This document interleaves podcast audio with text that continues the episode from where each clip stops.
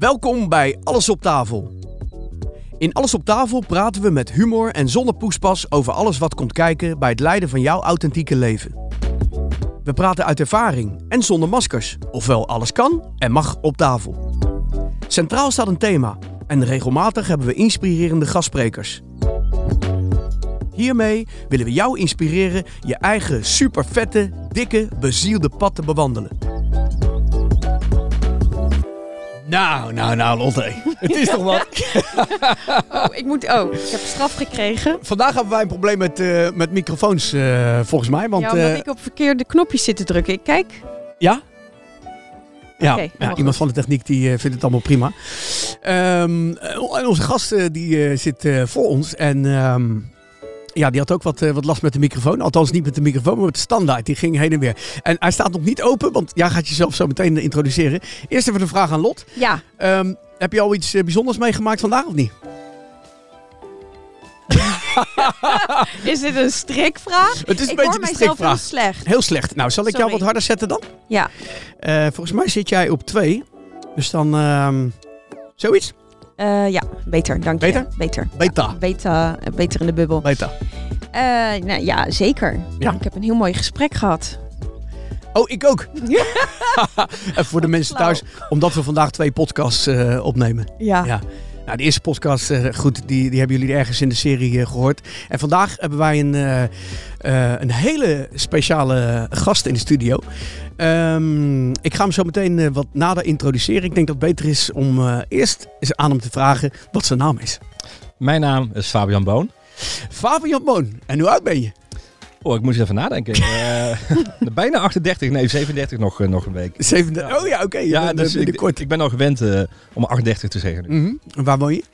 Eh, in ehm Epe, op de Veluwe. Ja, je, bent, eh, je hebt aardig wat plekjes ge- gezien in Nederland, hè? Want je bent officieel uit, eh, uit Limburg. Ja, ja. Uit Helden, hè? Ja, zeker. Waar jij vroeger eh, Apollo. voor mij stond op te treden. Ja, Ja, geweldig. Van, eigenlijk van Helden eh, Noord-Limburg. Eh, Ja. Een hele rustige, heel rustig dorp.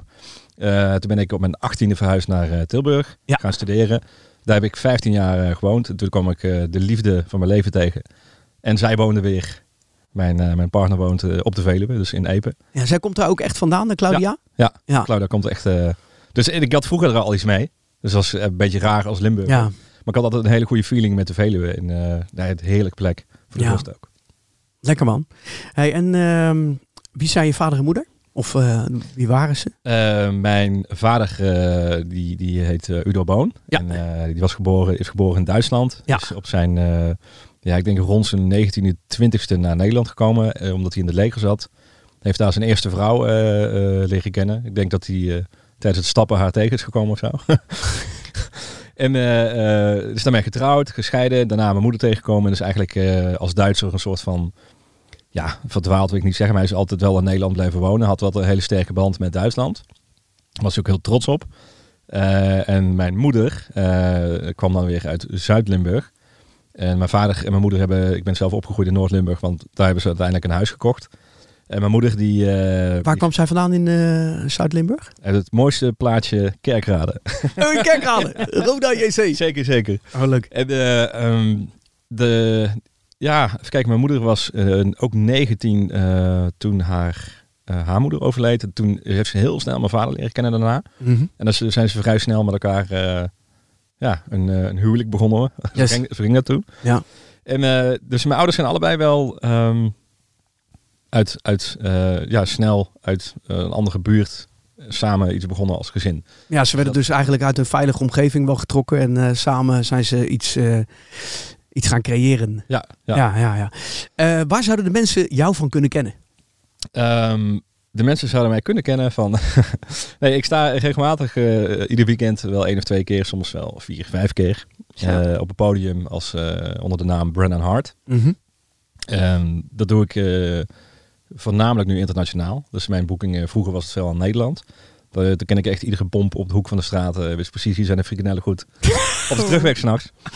en eh, nou, als je dan bijvoorbeeld in de time-out had gestaan, dan wist je gewoon van op de terugweg kom je in best eh, bij de pomp. Daar hebben Geweldig. ze- Daar hebben ze goed, eh, nou anyway. Ja. Vroeger eh, stond ik vooral in Nederland. Eh, jij kent die tijd ook nog wel. eh, Ja. Dan, eh, eh, en, en nu is het ieder weekend vliegen. En eh, letterlijk vanaf Australië, Azië, alle landen die je kunt verzinnen. En eh, behoor ik in de, ja, in de top van de, van de, van de, van de elektronische dance scene. Ja, dus ik, eigenlijk is de vraag eh, die eh, als volgende komt eh, overbodig. Waar word je het meest blij van? Niet vliegen. nee. Nee, nee, nee. Eh, waar ik het meest blij van word.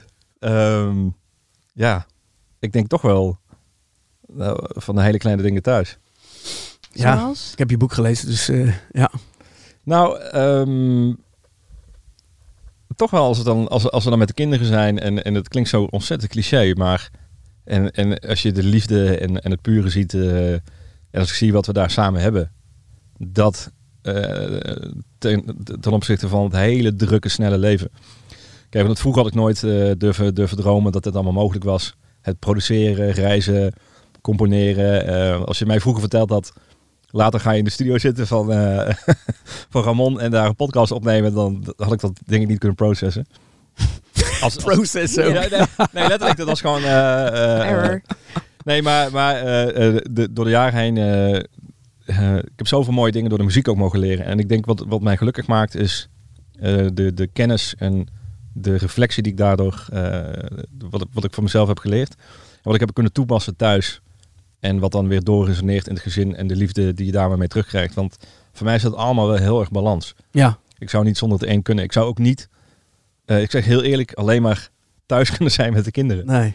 En ik zou niet alleen op tour kunnen gaan. Dus eh, het is allebei, wat ik heel belangrijk vind. Ja, snap ik. Heb je dan nog wel irritaties of zo in je leven? Waarvan, waar je zegt van nou, daar kan ik me echt aan ergeren. Oh ja, heel veel. Als je Ja? tijd hebt, eh, ja, dan kunnen we speciale Nou, doe er maar, doe er maar één of twee.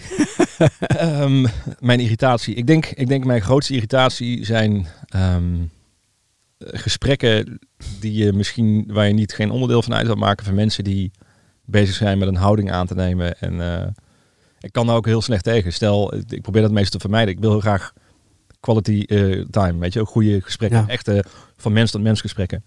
En ik vind het heel moeilijk als iemand een, eh, een masker op heeft en als je constant met dat masker aan het praten bent. Ja, maar is het niet moeilijk in de, in de wereld Ja. waarin wij leven? Ik bedoel, wij leven toch in een, in een... Nu, is het, nu valt het nog wel mee in de DJ-wereld. Iedereen die begint wel langzaam bij zichzelf te komen. Ja. Maar eh, hoe zie je dat? Ehm, ja, ik weet niet. Ik denk dat ik daar gewoon dat ik daar een eigen masker voor heb. nee, heel flauw. nee, maar op een gegeven moment door de ervaring. Kijk, vroeger ehm, door de jaren heen heb je collega's waar je heel goed mee, eh, mee kan praten Ja. en, en daar bouw je een band mee op. En sommige collega's de- de- toch prik je daar wel snel doorheen. Ehm, maar ik, ik, ik, ja, ik weet niet. Ik hoef die gesprekken denk ik ook niet te voeren met iemand. Nee. Daar kies je dan voor, weet je. Als je tijdens het eten... Ja, ik hoef niet over iemand zijn boeking te hebben drie uur lang. Dat, Nee. eh, en, en, dus, ja. Het, eerste gedachte die het nu bij mij te binnen schiet, heeft dat misschien jou ook geholpen in het succes wat je nu hebt? In de wereld waarin je begeeft? Dat denk ik wel zeker. Ja. Ik denk dat je echt van... ehm, dat succes ook wel samengaat met het kunnen zien van de ruis. exact. De, de obstakels. Ja. Die kunnen... Ja, ik, ik heb daar altijd wel een zesde zintuig voor gehad. Ja. Dus ik ging dat vanzelf al best wel snel uit de weg. Ik had Ja. wel heel snel door van... Ik hoef hier niet bij deze groep eh, ja, te lang te blijven hangen. Dat klinkt misschien... een Nee, ik snap wat je beetje bedoelt. dubbel, maar ik snap hem heel goed. Ik volg gewoon je eigen pad. ja, ik merkte ook door de jaren heen dat de successen... Dat je, je hebt altijd een soort van... eh, ik, heb, ik heb heel veel vrienden, die ken ik al, ja, al 25 jaar, sommigen al 20 jaar. En langer, eh, echt vanaf... En één vriend van mij, die ken ik al vanaf een, eh, mijn tweede. Dus ik ben wel heel loyaal naar mijn vrienden, naar mijn echte vrienden. Maar de mensen om je heen qua business... w- Want het klinkt een beetje corporate, alsof we hier... eh, maar het is uiteindelijk wel zo dat along the way, eh, de successen die je boekt... Je komt er soms wel achter dat je heel veel mensen hebt die op je bagagedrager springen. Ja. Die, heel, die zich vast willen grijpen. En dat, dit is heel vaak wel eenrichtingsverkeer. En, en als je echt even uitzoomt en je kijkt waar je staat. En je denkt van waar krijg ik nou zelf energie van? Wat vind ik belangrijk? Wat zijn de dingen die, die ik met heel veel plezier doe? De antwoorden die kunnen best wel, wel hard zijn. Ja. Wel confronterend. En daar ben ik denk ik wel door jaren heen eerlijker in geworden. Ook door bijvoorbeeld het overlijden van, van toen ik 17 was. Toen, eh, ja, toen met mijn vader die overleed best wel snel. En nadat hij ziek was, ging eh, in een paar weken was het gewoon gebeurd. Dat klinkt dan heel heftig, maar zo was het ook letterlijk. En ik moest voor mijn ma en mijn broertje zorgen. Die toen, wij schelen 15 jaar, dus ik heb nog een heel jong broertje. En dan ga je wel heel eerlijk bij jezelf kijken, wat wil ik nu echt? En dat is toen al begonnen. Ja. In de zin van misschien wel op een soort van dramatische manier. En eh, nu wil ik echt voor gaan wat ik echt wil. Maar ga- komen we dadelijk nog even op terug. Eh, guilty pleasure. Eh, mag dat alles zijn? Zeker. Ja, heel veel mensen zouden muziek zeggen. Maar ik hou nou eenmaal ook van soms foute muziek. Daar kan ik van genieten. En wat is Carna- voor jou carnaval- fout? carnavalsmuziek. Dat nou nee, nee, nee, nee, nee, helemaal niet. Maar ik, ik, kan, ik kan best nog wel, eh, als ik zo'n oude, oud plaatje zo hoort, zo'n heel foute... ja, vroeger had je... eh ja, Mr. Veen zet ik nou niet per se in de Oh. auto op. Maar, maar wel wat ik vroeger als... Weet je, Too Limited en zo vind ik nog steeds wel dik of zo. Dat, Ja, natuurlijk. dat ze hoorde ik... Dat, is- maar dat zeg je niet hardop van... eh, oh, dit is echt gaaf. Luister naar die kick, weet je. Ja, nee, maar snap ik toch. Zo, zo voel ik dat dan niet. Maar ik vind bijvoorbeeld eh, eh, jouw muziek als, als, als Johnny Lono's Mental Theo Mhm. wordt dan bij het foute uur als een gimmick tegenwoordig gebruikt. Ik vind dat geen gimmick. Voor mij is dat gewoon puur. Sentiment. Ja, tuurlijk. Dus, Ja. dus dat is geen gu- guilty pleasure. Daarom noem ik het niet, omdat het echt puur is voor mij. Ja. En eh, ja, mijn guilty pleasure, mijn echte, echte, als ik het over eten mag hebben. Maar Graag. dit is, dit is zo slecht dit. Ehm, als ik dan toch... Tiramisu. Nee, erger. Nee, Erger, dit is erger. Ik zie het. Dit is Ja. heel erg. Ja. Ja. Als ik dan een maand in, in ik ben dol op Aziatisch eten, maar als ik dan een maand ben, dan kom ik op Schiphol. En het eerste wat ik moet nemen is toch een frikandel speciaal. nou ja, logisch toch? Ja. Nee, ik maar, denk, dat- nou, je koopt een hele kaas en die Nee. eh, je had... eh, nee, oké, het valt nog mee. nee, maar omdat we dan vaak, eh, als je kijkt naar, naar de kwaliteit van het eten, en soms in Azië kun je echt zo goed eten. Ja.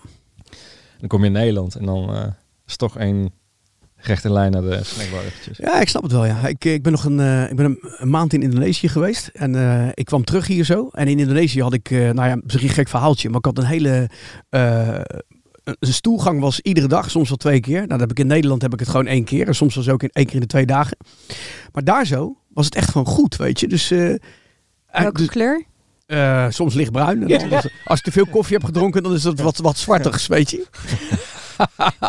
dus ik weet waar je over praat. Ja, ja, ja. Hey, Lotte die heeft nog een eh, mooie verrassingsvraag. Hard of zacht? Ja, hard. Oké, goed. Mooi. Ik had gezegd van, eh, dat is misschien wel een hele goede vraag, want zijn vriendin komt mee, maar ik wist niet dat je eh, je maatje mee zou nemen. Ja, jammer. Nee, dat, dat bedoel- dat bedoel ik met Nee, eh, liefde, hè? Met, Ja, ja. eh, met de liefde dus.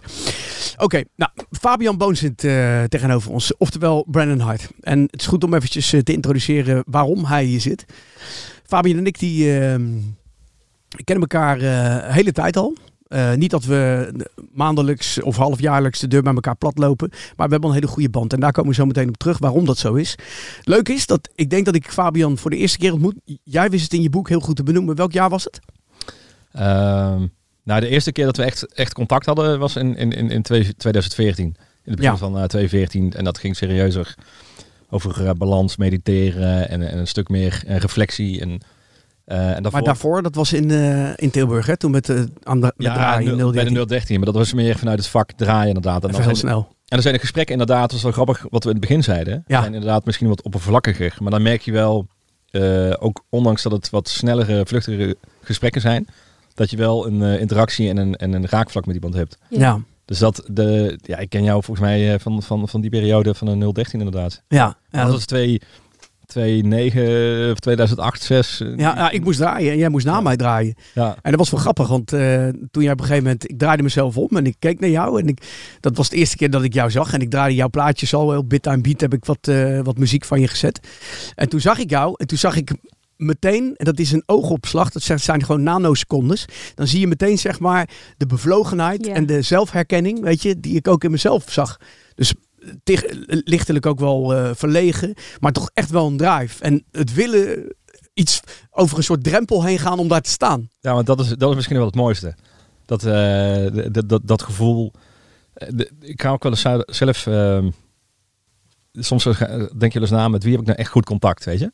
En eigenlijk al die mensen waar je goed mee, mee contact hebt, ook succesvolle mensen, zijn best wel vaak wat introvert. Meer, eh, ja, misschien wel verlegen, dat juiste woord, wat, wat terughoudender. Ja. maar heel gedreven met hun vak bezig. Ja. En gaan vaak inderdaad over een bepaalde drempel. Maar als je dan weer de stap verder kijkt van waar komt dat vandaan? En dat vind ik zo interessant. Ja. Waarom mensen daar zijn gekomen. Dat is bijvoorbeeld ook waarom ik eh, met heel veel plezier en eh, nou, niet alleen plezier, maar wel het proces van het boek schrijven vond ik heel mooi. En heel opende heel erg veel, veel deuren voor mezelf. Eh, vooral het waarom, waar komt de drive vandaan? En dat herken ik instant, wat jij ook zei, dat herken ik gelijk wat jij dan bij mij had. Dat zie ik ook bij mensen om me heen. En dat zie je niet zo heel veel. Nee. Die echte pure gedrevenheid waar Ja. je Ja, net, eh, je gaat niet één stap verder, maar eh, wij gaan tien stappen verder. Ja. En dat, dat vind ik mooi, want waar komt dat vandaan, die tien stappen? Ja, Hoe, hoe kun je daar komen eh, mentaal überhaupt om dat te willen? Dat, dat vind ik mooi. ja heel en dat, mooi. dat- maar ja, sorry, ik moet hem nog niet tuurlijk, opstellen voor degenen die niet, niet het boek hebben gelezen. Waar Ja. komt het vandaan?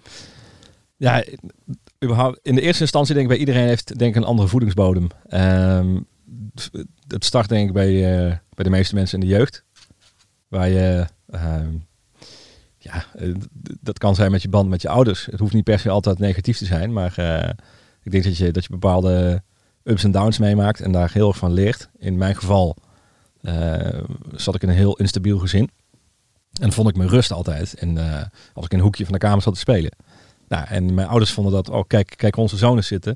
Zo'n lief jongetje, die, die, die zit helemaal goed in zijn vel. Maar dat was mijn veilige, mijn veilige plek. ja. Eh, toen ik wat ouder werd, ging mijn zus die ging naar school. Was eh, een beetje thuis eh, het paradepaardje. En dat werd ook echt benoemd. Is het paradepaardje. Ik was de jongen met de twee rechte handen. Nou, dat is best wel... Ik ben handig. Ehm, best nog wel handig. Want nu krijg ik thuis tegenwoordig te horen dat ik geen rechte handen heb. Twee linkerhanden. Ja, omdat ik, omdat ik op het podium sta en knopjes indruk in hun, in hun beeld. In, in de beleving van mijn schoonouders van, ja, kom maar hier met die hamer, want dat gaat niet goed. Terwijl ik vroeger was het, hier heb je een hamer, want daar ben je goed mee. Snap je? Dat ja. vind ik dan ook niet leuk, want ik wil, ik wil eh, ja, ik, ik vind het allebei leuk, weet je. Maar ik bouwde ook hele dingen, dus ik bouwde ook echt, het moest allemaal groot. Grote, grote hutten. Als er dan skelter moest bouwen, moest het gelijk met een eh, aanhangwagen en dan het hele, het hele dorp moest het weten, dat moest, moest groot. Dat is alles. de- wa- ik was altijd. Dat vonden mijn ouders wel mooi. Maar mijn zus daarentegen, die twee jaar ouder is, die werd altijd neergezet van zij gaat het maken. Zij wordt een soort van. ze wilde de. Volgens mij eh, eh, psychologie heeft zij, dat heeft ze gestudeerd, maar an- anders wilde ze geneeskunde gaan studeren.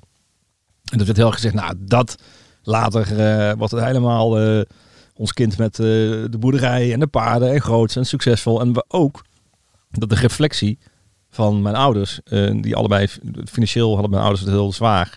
En, en ook het huwelijk was niet echt goed. Dus hun eigen tekortkoming, het werd best wel geprojecteerd op, op de kinderen. Op, op, in dit geval bij mijn zus van, zij gaat het wel maken. Dat is onze... En ik stond er een beetje bij van, eh, ja, eh, hallo. En ik dan? Eh, ja, maar jij bent de jongen met twee rechterhanden. We houden echt wel van je. En, hè? Maar dat was een beetje de boodschap. Ja. En, en ik had zoiets, ja, maar rechterhanden, ik heb ik zoveel meer in, maar jullie moesten eens weten. En op school ging het ook niet goed. Want eh, feitelijk, dat is wel grappig naar aanleiding van het boek, of heel bijzonder, de docent van de, de leraar, of meester heet dat op z'n- volgens mij dan, Ja.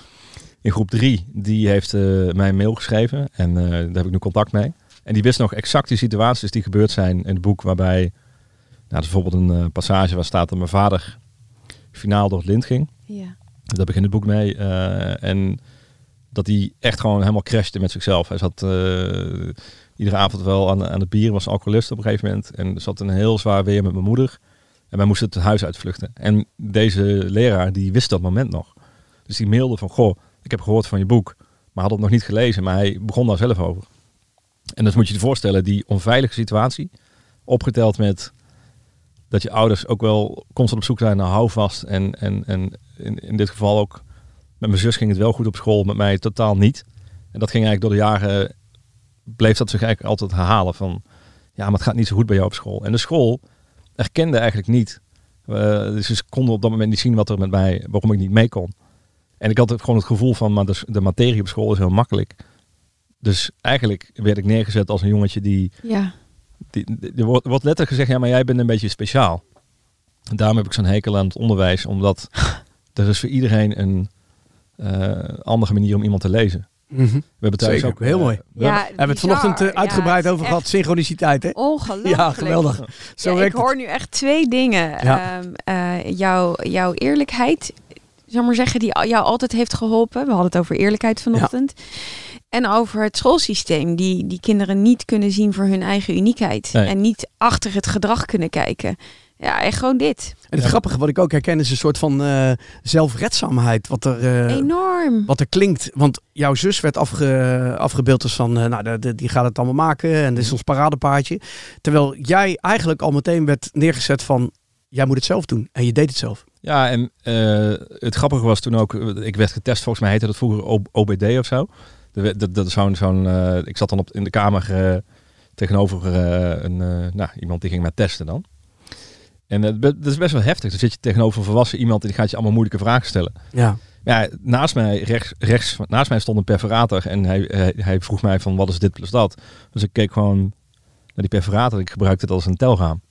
Dus hij, hij had als eerste door, deze jongen die is, niet, eh, die is niet dom of zo. Die heeft eigenlijk helemaal geen leerachterstand.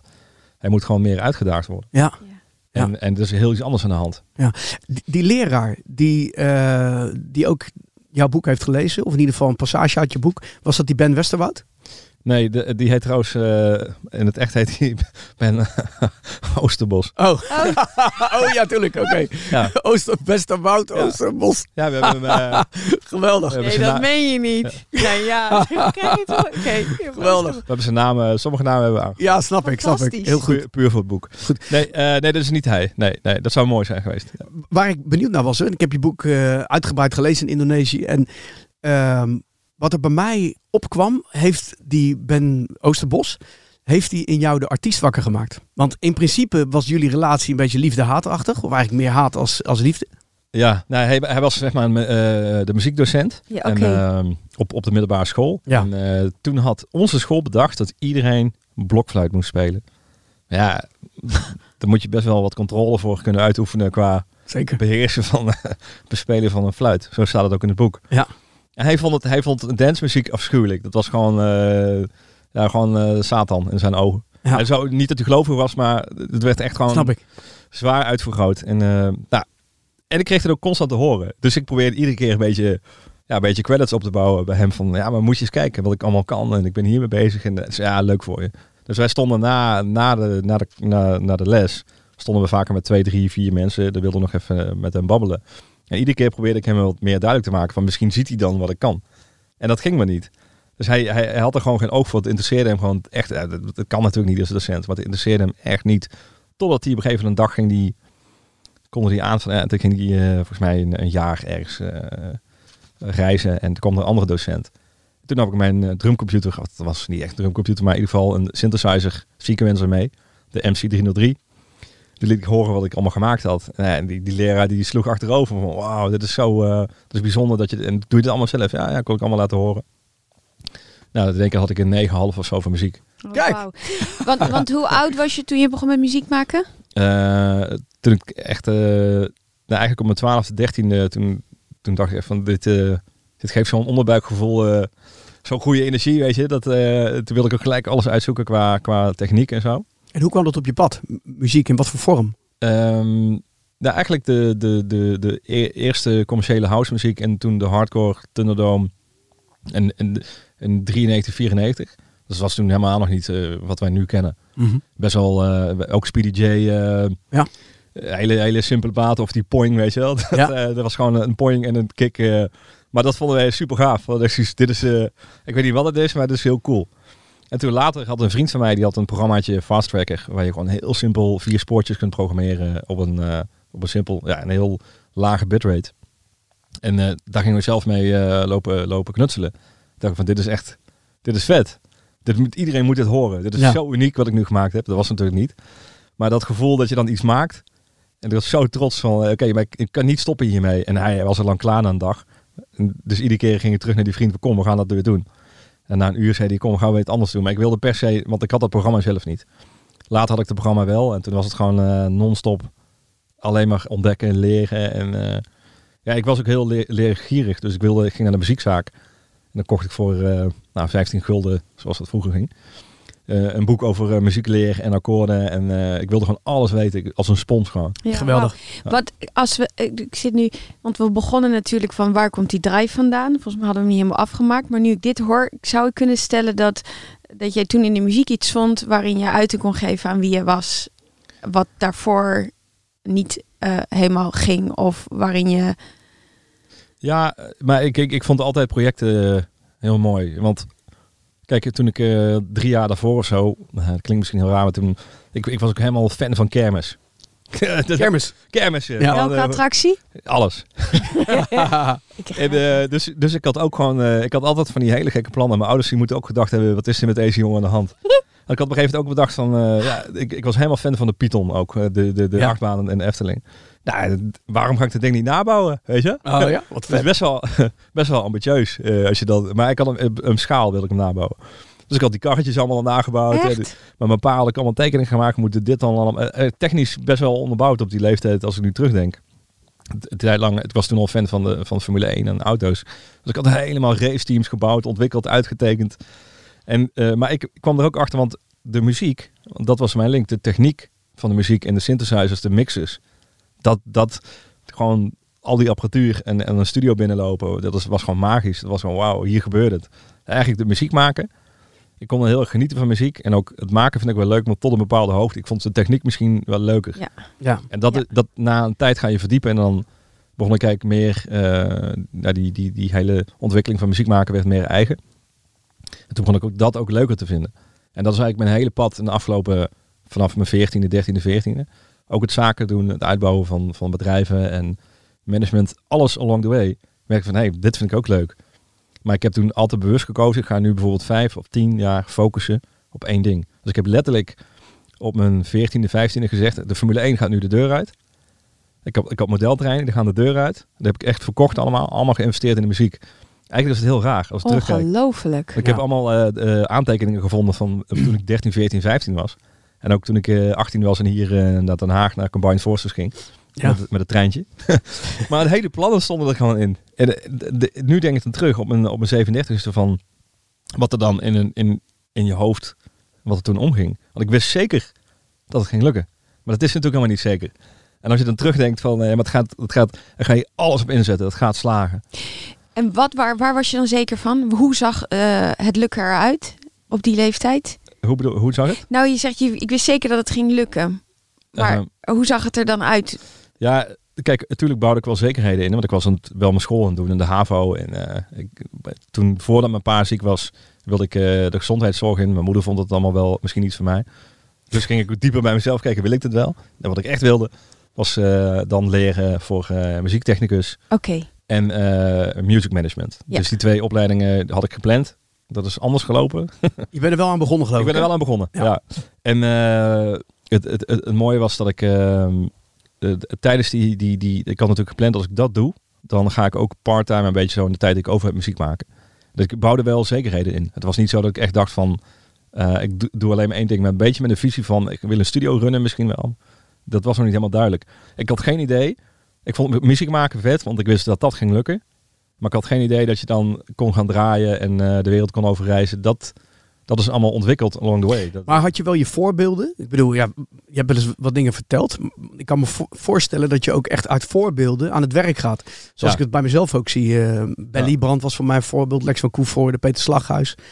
En daar spiegelde ik mezelf aan als een beeld van... Hey, zou ze ook later eh, wel willen worden? Ja, dat is wel grappig, want ik kan me letterlijk eh, eh, nog, nog herinneren dat ik naar jouw show kwam. Met Mhm. Theo en jou. In de Apollo in Helden. In Apollo. En ik zat alleen maar de hele avond na te denken, deze twee, die gaan zo meteen naar huis. En die zitten morgen voor een hele grote mixer. En dan gaan ze daar weer muziek maken. En daar kon ik me helemaal in verliezen tijdens die show.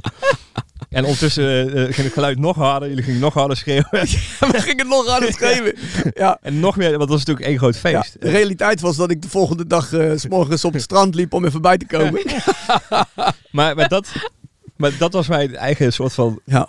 Romantische kijk. Eh, Misschien van, ja, ehm, toevallig eh, twee bekenden van jou, ook Ilke en Sebasti. Ja. Eh, achter de Fingerboys eh, hebben ze muziek gemaakt. Alice DJ zijn ze heel bekend mee geworden. En, en Dash Berlin.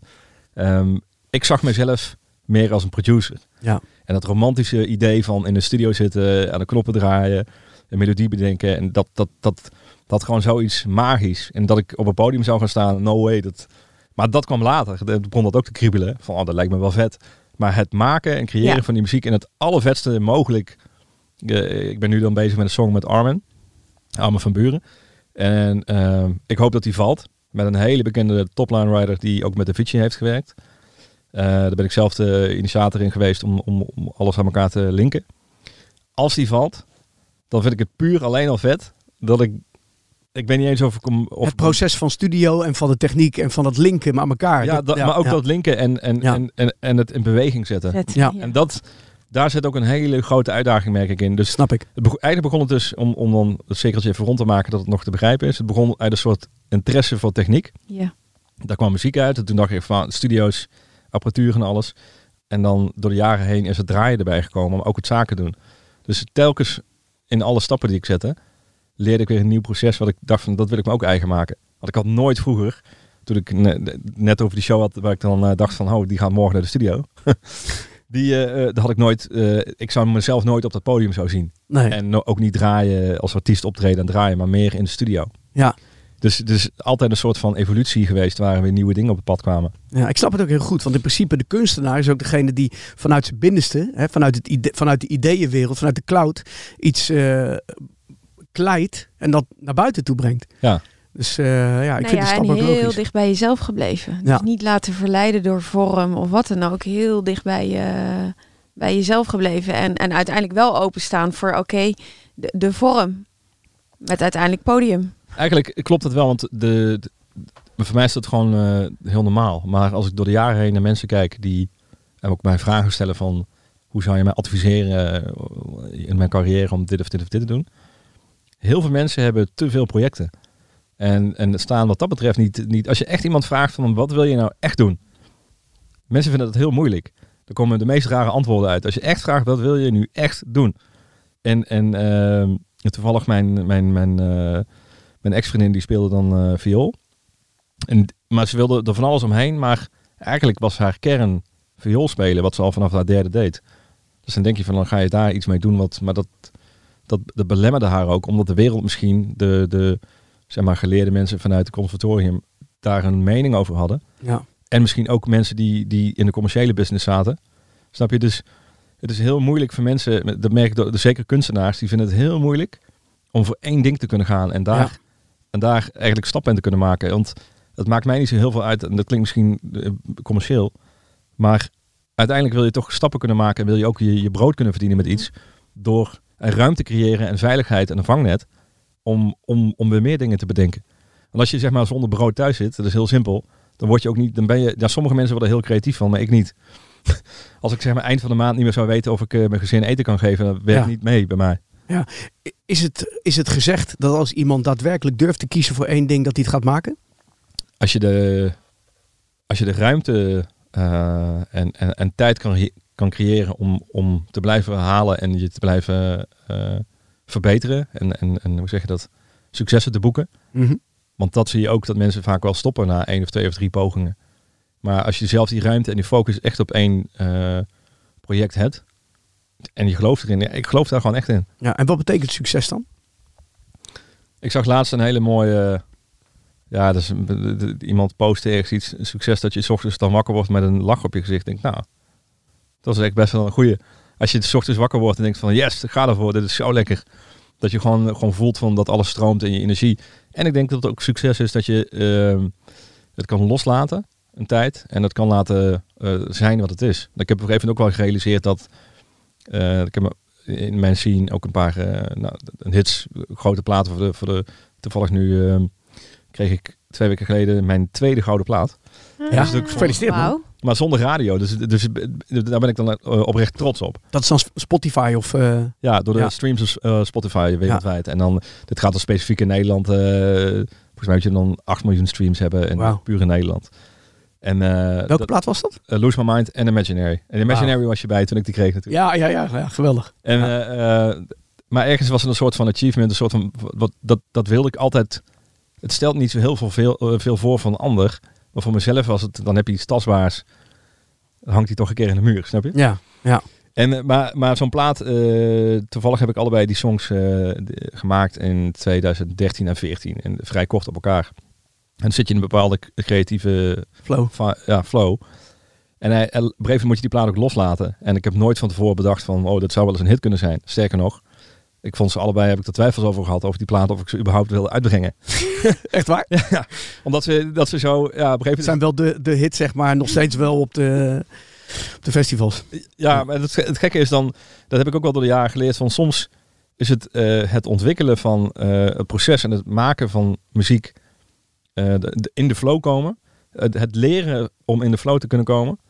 is misschien nog wel belangrijker dan wat er daadwerkelijk uitkomt. Want als je dan lekker erin zit in, in, in een bepaalde eh, proces, ja, daar komen gewoon hele mooie dingen uit. Maar ik heb ook Kun je mensen leren om in de flow te komen? Kun je het heel kort beschrijven?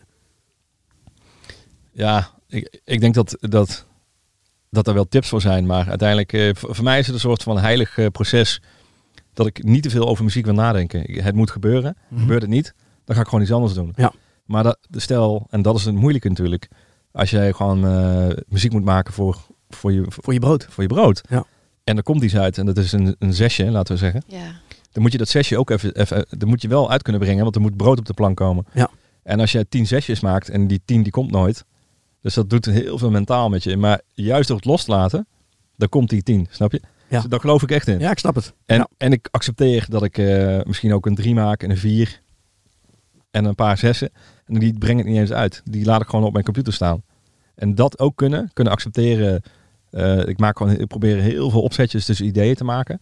En hetgene wat s'nachts nog in mijn hoofd zit dan, of dan s ochtends als ik wakker word, dat is gewoon heel simpel. Mijn, mijn boereninstinct noem ik het Ja. altijd. Ja. Datgene wat blijft hangen, daar ga ik dan mee verder. Dus dat heb ik, dat- zo heb ik mezelf tools eigenlijk geleerd. Om daar echt naar te luisteren. En me niet te laten afleiden doordat mijn omgeving gaat roepen van... Oh, hier moet je iets mee doen. Ik luister puur naar dat gevoel. Naar mijn eigen gevoel van...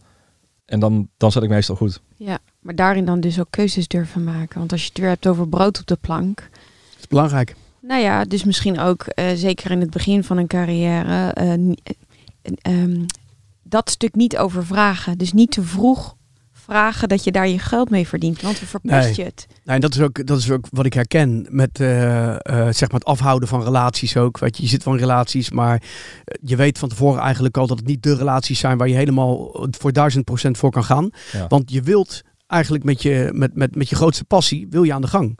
En als, als daar wat meer van wordt gevraagd eh, van jezelf, als dat je kan geven in zo'n relatie, ja, dan is het eigenlijk al eh, bij voorbaat is het eh, niet gelukt. Nee, dat, komt me bekend voor. Zeker, ja, dus ik, ik herken het als geen ander. Ehm, even kijken hoor. Ehm, laten, we, laten we eventjes een, eh, een sprongetje maken. Dus, eh, want we hebben nu al gesproken over je grote hits. We hebben het gehad over eh, gouden platen. Maar even terug naar het moment waarop je ook een soort van keerpunt in je, in je leven bereikt. En dat is het moment waarop wij zeg maar heel dicht bij elkaar komen. Mhm. Waarop je voelt van, hey, het gaat even niet goed. En ik heb wat hulp nodig. Ja. Hoe, Ja. hoe kwam dat? Nou, ik had eigenlijk... ik, ik kwam toen uit een best wel matige of een hele slechte relatie. Met veel... eh, ja, we zaten meer aan elkaar, een soort van... eh eh, surrogaten, maar weet je, dat, dat je maar gewoon een relatie had. Zo zaten we allebei. Duidelijk. En ehm, dat werd ook wel heel pijnlijk duidelijk dat het niet meer functioneerde. En toen ging ik echt naar mezelf kijken. Juist om hetgeen wat je net al aangaf van... Hoe kan het dat ik steeds dit patroon herhaal? Want ik kom iedere keer... Mijn succes op dat moment ging echt door het dak heen. Ik had zoveel boekingen. Alles wat ik even wilde in, in de afgelopen 15 jaar stond er. Want even voor de duidelijkheid, wat was bijvoorbeeld een van de platen die je net voor, die, voor dat keerpunt, zeg maar, Ja. gemaakt had? Ja, dat was, dat was bijvoorbeeld... eh, al die platen die we net noemden, die gouden platen. Ja. Die komen allemaal uit die tijd. Dus Imaginary en Ja. dat, oh ja. Dat waren mijn. eh, dus misschien moet ik wel een hele slechte voedingsbouw. Nee, nee maar, maar eh, het deed wel iets met mij. eh, Ja. eh, want het succes, zakelijk en op muziekvlak. en, en, en de output, noem ik dat altijd. Ja. De, de, de, muziek die er was. Ja, dat ging door het dak. En nu zit ik toevallig weer in zo'n flow, maar dan positief. Mhm. Dus het kan. Heel goed. Het is wel interessant ook. En, maar toen, maar ik ging er ook een beetje in geloven dat dat dan maar zo moest. Maar toen had ik een, ik verkocht een Heineken Musical uit in, in, in een dag. In Nederland, overal, iedereen wilde me boeken. Alles ging door het dak heen. En eh, toch was ik eh, privé. Ik kon niet harder crashen dan dat. Mm. Ik zat echt gewoon, het boeide me echt niet. Ik dacht, nou, dan heb je, heb je eh, want het ging me niet om het geld, maar financiële zekerheid. Ik had ook een droomauto die ik wilde. Nou, alles, alles Je voelde- woonde hoog, Ja, en hoog in een penthouse. Ja. penthouse. Ja, herkenbaar. Ja. En, eh, en, en toch merkte ik bij mezelf van dit patroon blijft zich herhalen. Dus hier zit niet. Ik wist echt van mezelf. Want mensen om me heen, en dat was het erge. Iedereen ging zeggen van, jij hebt echt gewoon het goed voor elkaar joh. Moet je kijken hoe je geniet van het leven. En dat was helemaal niet zo. Op Facebook en iedereen tegen mij, oh, je vliegt, eh, naar LA en hier naartoe en naar Sydney. En je doet alleen maar dikke shows. En verkoopt die zo'n Heineken Music Hall eventjes uit. En terwijl ik bij mezelf zat van, ja, ik, als dit het is, help. dit, Ja. Dat kan niet waar zijn. Het, Ja. het droomleven en eh, voor andere mensen. Dus het is heel confronterend. Toen was ik ook begonnen met een vriend van mij. eh, dat, was eigenlijk, dat is de manager van, eh, van een goede collega van mij. En die ging met mij een traject in. En die was een soort meer van life coach. En die... eh, Dat was Eddie, hè? ja, Eddie. Eddie Traverso. En die zat wel eens zo lang in de, in de business al, qua manager, maar ook van het coachen van mensen. Met juist de balans te vinden. Die had een hele goede, eh, die legde op een gegeven moment best wel een goede bodem. Maar die had het begin erover van, ja, we moeten dan eh, dit en dit. En dan als, is het als een, als een ui. Dan moet je dan afpellen. Ik denk, wat zit hij nou over een ui? en dat vond ik een heel irritant gesprek over zijn ui altijd. Ja. En later ging ik dat wel begrijpen, omdat hij dan tot een steeds diepere laag kwam. En hij zei ook van, hetgene wat het symbool voor dit. Eh, iedere keer had hij die termen. En ik irriteerde me een beetje eraan. Want toen was het symbool, het symbool. Wat zit hij nou, weet je, met zijn symbool. Wat het puur was wat hij bedoelde. Dat iets in gesprekken mij, mij raakte, mij triggerde. En een soort van oude pijn uit vroeger aanwakkerde. En mijn, mijn antwoord erop was niet hetgene wat ik in het hier en nu voelde. Maar eigenlijk een soort van eh, trauma en een reactie vanuit vroeger. Wat ik als kind zou doen. Zo, en toen leerde hij mij ook van, nou, zo werkt je hoofd eigenlijk. Dus lees dit boek eens, Past Reality Integration, PRI. En dat ben ik toen gaan doen. En dat was gewoon mijn zoiets van, huh? Iemand heeft een boek over me geschreven, over mijn leven. Heel herkenbaar. Ja, dat was een op en in diezelfde periode had ik contact met jou. En die twee dingen bij elkaar opgeteld, toen heb ik twee maanden mijn agenda gewoon geblo- geblokt. Samen met mijn boeker eh, toen besloten. Ja, en dat hele jaar, heel 2014, heb ik daar tijd aan besteed. En ben ik juist gaan, gaan, gaan verbinden. Dat klinkt een beetje... Nou, ik krijg er bijna kriebels van. nee, maar het is natuurlijk wel zo. Maar eh, dat je de gebeurtenissen van het vroeger eh, en waarom je ook eh, reageert en zo gedreven bent, die, die zijn we eigenlijk gaan verbinden met, ja, met eh, therapie, met regressietherapie. En ik heb me erover verbaasd over, over hoeveel dingen je eigenlijk als mens, en dat zie ik ook om me heen, reageert. Wat reacties zijn. Ja. Puur letterlijk chemische reacties in je hoofd op een ander. Uit, ehm, ja, opgebouwd uit ervaringen uit je jeugd. Mhm. En dat, dat vond ik eh, ten eerste heel fascinerend, omdat ik eh, psychologie fascinerend vind. Maar ook eh, de allerbeste tool, samen met, met het feit, ja, de, de, de fase wat, wat jij mij ook leerde, het mediteren en het kunnen projecteren. En ik, ik weet niet dat we hier bij jou in jouw zendo zaten en ik, ik was er net bij begonnen, maar op een gegeven moment kwam, kwam het zonnetje zo in die zendo en die zonnestralen kwamen binnen en in één keer kwam er zo'n gevoel over me heen. Puur dat, dat ik begon met het mediteren ook. Ja, maar wat kan er nou eigenlijk gebeuren? Weet je? Ja. En dat, dat zijn momenten, als je dat gaat voelen en bij stil gaat staan, ondanks het succes en de ogen van anderen, als je dan eerlijk kunt blijven naar jezelf, Ja.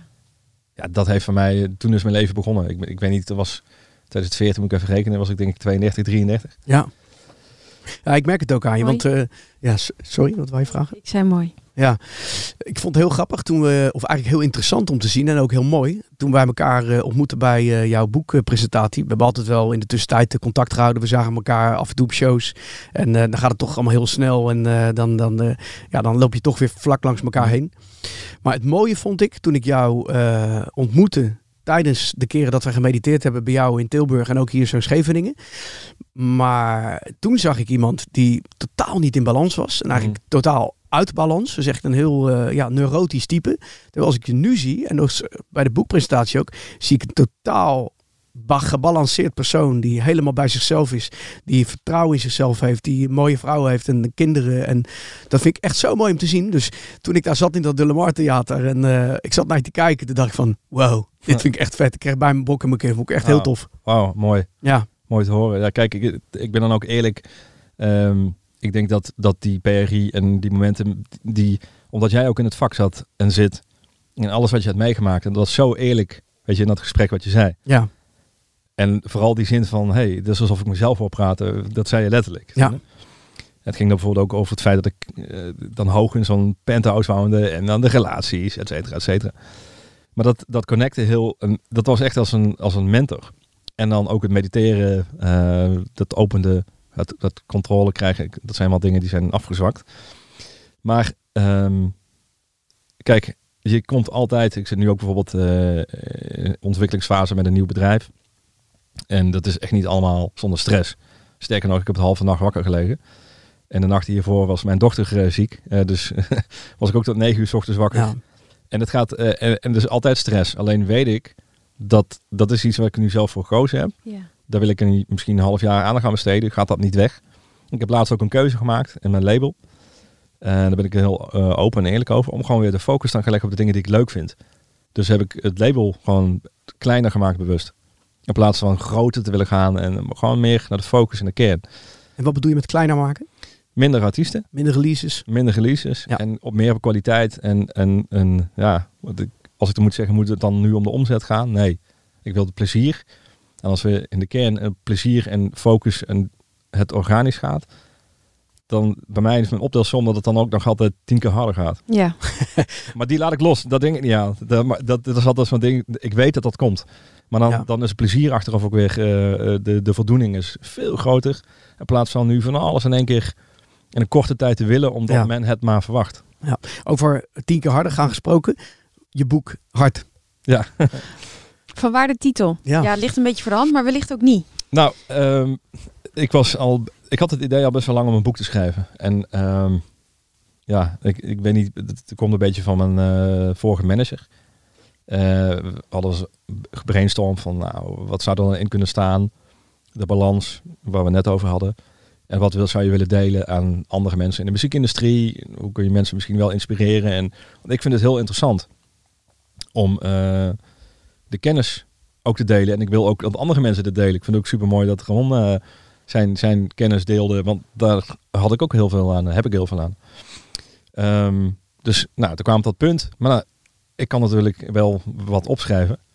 Maar een boek schrijven om echt alles gewoon te benoemen is we- best wel een eh, traject. Dat is een aardige eh, bevalling. Je bent nu je tweede aan het afronden, toch? Ja, ja, 12 mei komt hij uit. En het is echt wel eh, drie jaar eh buffelen geweest. Met twee writersblocks. Drie Is- jaar zwanger, Zeker. 12 mei Ja. geboorte. Zeker. Is, Ja. die, is die ook helemaal af nu? Nou, hij is nog niet helemaal klaar. Ik, heb nu nog eh, twee hoofdstukken die worden geredigeerd. Dan moet ik nog een eh, epiloog eh, schrijven. En dan eh, gaat de, de uitgever Cosmos, die gaat er nog een keertje overheen. Dan heb ik, eh, even kijken hoor. Niet volgende week maandag, maar die maandag erop heb ik een, eh, een laatste check-out met, eh, met de redactrice die het allemaal redigeert. En ja, dan gaat hij eruit. Mooi. Ja. ik weet nou hoe het voelt. Ja, je weet het. hè. Nee, nee maar ik, Ja. had, kijk, ik heb het dan samengeschreven met Siebe Huizinga. Ja. En bewust, omdat ik... ja, ook qua boekingen was het allemaal pieken. En, en, en daarnaast heb ik nog een paar bedrijven qua, waar we evenementen mee doen in de wereld. Een label, publishing, nou, het hele totaalplaatje staat. Dus eh, ik heb altijd wel wat te doen. Maar ik heb bewust ook veel tijd gemaakt voor het boek. En heel veel delen in het boek heb ik ook zelf geschreven. En dat vond ik belangrijk. Want er staan ook, ja, je kan niet alles voor je, voor je laten schrijven. En dat werkt ook heel verhelderend. En vooral het teruglezen op een gegeven moment als je een gesprek had gehad. Dat met Siebe, eh, met schrijvers had ik dan soms wel acht uur, tien, tien uur lang. Of dan ging hij mee naar, eh, naar het buitenland naar een show. En ehm, uiteindelijk eh, kwam hij en zijn vrouw zegt, ja, we vinden Hart wel een hele mooie titel. En dacht nou, eh, waarom eigenlijk? Ja, nou ja, eigenlijk om die en die redenen. Waaronder, als je kijkt naar je, je jeugd, er is best wel veel gebeurd. Dus ja, weet ik niet dat... Ik denk dat iedereen veel mee, meemaakt. Nee, geloof me maar. Dat, eh, dat is best een pittige weg voor je geweest. Mhm. Weet je wel, want Siebe is eh, denk ik een jaar of 15 ouder. eh, niet dat ik als Mats vaderfiguur zie, maar misschien als een, als een oom of zo. Weet je? Mhm. Dus, denk, ja, misschien heeft hij wel gelijk. Ik weet heus wel dat er veel gebeurd is door de jaren heen. Maar je muziek die je maakt is hard. En je uit je gevoelens, zeg maar, die onderkant van je muziek is, is, is best wel gewoon hard. Zeker. Snelle, snelle kicks. eh, de, de, de beats zijn 150 bpm per minuut. moet je niet horen, die moet je voelen. En, en, en- maar de muziek daartegen is, eh, is, is gevoelig en eh, emotie. Dat, hij had dat heel mooi omschreven en dat klopt wel. En die twee dingen bij elkaar, hij zegt de, de, de emotie erin zijn de, de hoge high pitches, de, de- soms hoor je het huilen en janken, zegt hij. En is het mooi en kan het emotioneel zijn, euforisch, allemaal. En de onderkant van de muziek is hard. Dus dat klopt ook. Dus je houdt van snelheid, snelle auto's, dat is ook hard. Ja. En eigenlijk alles wat je doet is hard. en toen, en toen ik van, eigenlijk is het wel heel mooi, want hardstyle, hard. En eh, de, de muziek die ik maak, die eh, noemt men, de- mensen willen heel graag muziek en stijlen herkennen. En, en dus hetgeen wat ik maak is hardstyle. En, dus het connecten, het, het, het, het klopte, het viel op zijn plek. Ik denk, nou, dit is wel een goede werktitel. En op een gegeven moment dan in het proces van het schrijven, het klopt er gewoon. Het, ja. Soms is eenvoud ook, want het is heel eenvoudig. Want hoe is je boek dan? Ja, hard. Dat is, Ja, zeker. het is heel simpel, maar wel eh, de essentie. Ja, Ja, ja. en volgens mij met een hele mooie, misschien harde, maar toch ook zachte boodschap. Althans, dat idee Nou ja, ik. het boek zelf, ik, ik, heb het, eh, ik heb het echt met veel plezier gelezen. En ehm, ehm, ja, ik merk ook wel dat zeg maar dat eh, de titel is wel hard. En ik begrijp de titel ook, met betrekking tot de muziek die je maakt en eh, de, de, de liefde voor snelle auto's. Maar omdat wij elkaar ook kennen vanuit het kwetsbare, weet je, ja, ik, ehm, dat komt ook naar voren toe in het boek, het, het Mhm. kwetsbare deel. Maar ik begrijp het. Ik begrijp de titel. Ja, jij, zou, jij zou het dan... eh, Nee, zeker niet. Ik zou niks, helemaal ni- niks veranderen. Ik vind, ik vind het perfect zoals het is. Maar ik vind juist zeg maar dat ook het, dat je jezelf ook heel kwetsbaar durft op te stellen in het boek, vind ik super mooi. Ja, mooi. eh, ja, ik, kijk, voor mij is dat misschien... Ik heb, ik heb eh, heel, heel veel verschillende soorten reacties gehad. Ja, Wel allemaal positief. Eh, in mijn ogen zijn er mensen die het misschien niet begrijpen. Die zijn misschien overrompeld door de, de, de gebeurtenissen thuis in ons gezin. ja, Ik ben van mening dat bij iedereen... eh, een hoop mensen maken dingen mee. Mensen worden ziek. zeker. En je maakt veel dingen mee in je leven. Dat, dat geldt voor iedereen zo. En het belangrijkste van boodschap van mijn boek was eigenlijk meer van wat is jouw eigen pad wat je gaat bewandelen, je eigen journey. En je kan zoveel uit het leven halen. En dat, dat voor mij bijvoorbeeld op het moment dat dat PRI, de Past Reality Integration traject, dat is gewoon voor mij een, een, een, een eye-opener geweest überhaupt in het leven om te kunnen leven. En dat geldt niet alleen voor mij. Waarom kom ik daar? Omdat ik het idee had van vroeger dan en dan ben ik succesvol. Dat was bijvoorbeeld in die periode met die Heineken Mu- Musical en zo. Eigenlijk zou iedereen riep van dat gaat, gaat jou voor de wind, gaat vanzelf. En toch voel ik me harder crashen kan ik niet op dat moment. Dat we, dus die, die, als je dan eerlijk bent voor jezelf, kom je daar. Ja. En, en dat, de leerweg daaruit, dat vind ik belangrijk om te delen. Zou je het leuk vinden om een stukje uit je boek voor te lezen? Ja, dan kom je erachter dat ik niet goed kan voorlezen. Oh, is dat zo? Nee, dat, eh, dat, of zal, ik, zal ik het voorlezen? Ja, je mag wel een stukje, ik Ja. kan wel een stukje lezen, maar dat wordt wel eh, wat... eh, Zal ik het voorlezen dan? ja, ja, ga. Ja. Nou, ik, ik heb een, omdat je het een paar keer hebt gehad over die PRI, vond ik een hartstikke mooi, mooi gedeelte ook. Waar je heel, als je het hebt over de tegenstelling van hart, heel zacht zeg maar bent. Ben maar ik heel benieuwd. tegelijkertijd ook, ja, ik, ik, ik lees het even voor. Hè. Ik begin op bladzijde 212. Dankzij PRI, de Past eh, Reality Integration, leer ik echt te begrijpen dat en hoe die oude pijnen mij sturen. Het geluid van die potten en pannen, het doet me denken aan vroeger, aan thuis. Dat wil ik ontvluchten. Die herinnering, daarom ren ik het huis uit. En dat slaat natuurlijk op het begin van, eh, van het boek. Hè? ja, ja. Ja. Tussen die negatieve dingen uit mijn jeugd en nu zit misschien 10, 20 of 30 jaar. Maar mijn emoties voelen precies zoals gisteren. PRI helpt me de losse delen, die scherven, te verbinden. Alles blijkt met elkaar verweven. Die kennis of dat bewustzijn geneest me niet. Nog steeds voel ik die woede, angst, verdriet, pijn en onrust. Maar ik kan er wel rationeler mee omgaan. Ik kan het sturen. Daarom, omdat ik die emoties begrijp, ga ik niet langer als een briesende stier vol in de aanval. Maar ben ik juist mescherp, enigszins geduldig en soms snoeihard. Een echte blade master. Daarom ook zijn mijn gesprekken gerichter, menselijker, gevoerd vanuit rationele analyses. En hoor ik potten en pannen, het geluid van gezelligheid, dan sleept het me niet meer mee naar buiten, het huis uit, zonder dat ik weet waarom. Vooral leer ik dat ik niet langer kan blijven denken en handelen op gevoelens uit het verleden, terwijl ik juist op weg ben naar de toekomst. Dat is varen op een verroest kompas. Ja. En dat vond ik heel mooi. Ja, dat, dat is in essentie eh, ehm, de PRI die, ik- die, die ik met wat, wat het voor mij had gedaan, die ik samen heb gevat in deze zinnen. Ja, en ik heb daar weer op, op gespiegeld. Toen ik eh, daar eh, in Uluwatu in Bali zat, Hm. lekker op de, over de zee heen te kijken. Toen dacht ik van, hoe vet is het dat je zeg maar de compost uit je, uit je leven, dus eigenlijk zeg maar de frustraties kan omzetten telkens weer naar inspiratie. Dat is wat je in principe doet. Ja, En dat vind ik echt vet. ja dat, eigenlijk is het dat wel altijd geweest, ja. Er zijn wel heel veel, staat ook eerder in het boek, dat de, het, uit de negatieve dingen kwam altijd, kwamen heel veel positieve dingen weer. Zeker. dus eigenlijk is het een soort van eh, eh, zegen geweest dat jouw ouders hebben gezegd van eh, Fabian daar en je zus daar.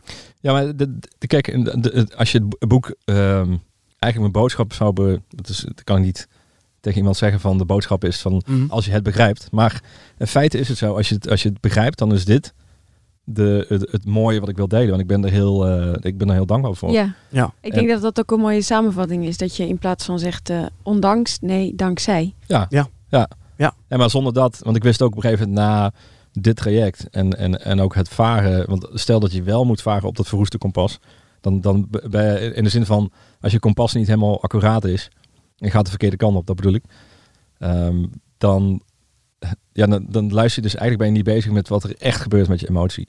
En ik zie dat zoveel om me heen. Ja. En bij mij is het natuurlijk het mooie misschien eh, waar ik dankbaar voor ben, want het vroeger was tijdens het boek, eh, de boekpresentatie ging het erover, waar, waar ben je dan trots op? Want ik zeg ook dat ik niet per se trots ben op mijn muziek. Dus ik vind het heel moeilijk om te zeggen van, wow, dit is geniaal, weet je? Misschien ook wel omdat heel veel dingen gedaan zijn, snap je? Dus, Ja. Maar goed, Eh, waar ik trots op ben, is eh, waar ik sta in het leven en wat ik nog allemaal kan leren. En ik kan me ook niet voorstellen dat ik ooit op een dag kom dat er niks meer te leren is. Nee. En er is zoveel nog te doen. Dus die levensvreugde en, en van, oh, oké, wat gaan we morgen doen? Weet je, dat, dat stopt niet. Mooi. En dat vind ik het mooiste om dat te kunnen voelen. En alles wat je along the way eh, onderweg leert, dat, dat, dat vind ik gewoon eh, ja, het allermooiste aan het leven. Ja, mooi. Heel mooi. En belangrijk, dat is ook iets wat, wat zeg maar zeggen, in de, het werk met de kinderen, in de kindercoaching zo belangrijk is, of waar je een beroep op doet, is, bedoel, iedereen heeft een levensvreugde. Iedereen heeft dat zelfhelend vermogen. Het is er. Ja. En eigenlijk dat te activeren, want dat, dat, dat, dat is de weg. Dat kan zoveel goeds doen. En daarmee, weet je, dus Ja, ja. het kind kan het, weet het, doet het. Het zit er al. En iedereen heeft het. En als je dat voelt, ja, dan ja, kan het alleen maar knetteren. Ja, maar volgens mij is dat, eh, voor mij is dat de essentie van het leven. Eigenlijk het eh, eh, op je pad, zeg maar, kom je hoogtepunten, dieptepunten tegen. En die vormen je. Voor mij, en dat is jouw motto ook een beetje, zonder wrijving geen glans. Eh, dat is ook letterlijk zo. Je kan niet naar een hoogte toe zonder... Ja, je moet toch af en toe eh, het een en ander meemaken Even afzien. om tot inzichten te komen en ook daardoor weer afstand te kunnen nemen. En eh, zelfs als, als succes gaat niet blijvend zijn. Maar ik zie nu bijvoorbeeld eh, de kinderen thuis. Ik denk, ja, hoe mooi is dit over tien jaar? Dan wil ik eigenlijk gestopt zijn met, met draaien. En eh, nou, ik ben, ik ben nu zo mijn leven aan het plannen dat het dan ook kan. En eh, denk ik van, nou, dan vind ik het ook wel heel mooi. Dan, zijn ze, dan is ons oudste, onze oudste dochter is dan eh, bijna twintig. De jongste is dan eh 12 op dat moment. Dat is toch prachtig? Dan eh, ben ik tegen de 50. En dan denk ik, nou, dan is er nog heel veel voor me. Maar ik, ik, misschien is het ook wel, dat klinkt heel dubbel, omdat mijn vader is maar 50 geworden. Zelfs dan zou ik denken, ja, dan is het ook nog heel mooi. Snap je? Ja. Dat is een, een angst natuurlijk voor iedereen. Als je dan je ouders jong overlijden. Ja, Dus klopt. daarom probeer ik er ook zoveel uit te halen. Ja. Misschien ook wel is dat ook wel een soort van stemmetje wat je altijd hoort van, hé, maar pas op, weet je. Want Zeker. Want wat heeft het vaderschap met jou gedaan?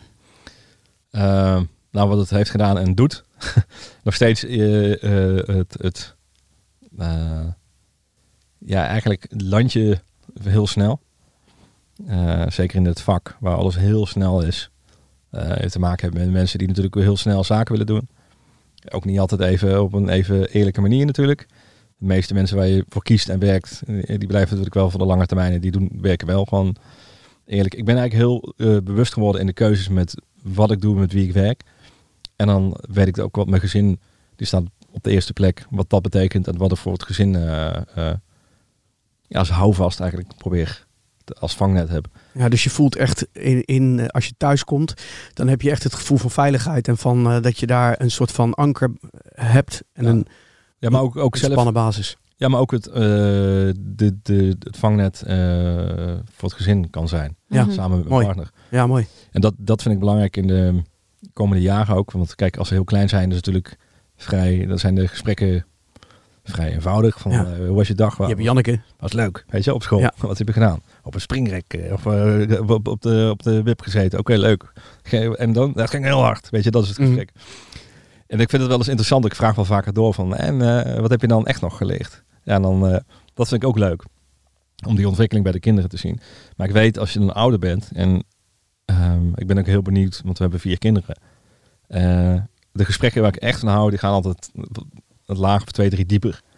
Over motivatie en tegenslagen en hoe je dat weer kan omzetten in ja, positiviteit. En, Ja. eh, dat vind ik leuk en ik denk dat daar een hele eh, een waarde in ligt in mijn leven. En, en ik zit ook wel eens vaker na te denken van, ik weet niet of ik die muziekindustrie nog le- leuk vind voor 15 jaar. Misschien vind ik het veel leuker om meer op coachingvlak eh mijn eigen ervaringen te delen. En Ja. daar, daar is het boek een, een, misschien een voorzet van. Kan me heel goed voorstellen. Heel mooi. Ik vind het een hele mooie besluiter. Alleen de laatste vraag hebben we nog niet gehad. Nee, laatste vraag. Als je aan de luisteraars één advies mag geven, wat zou dat zijn?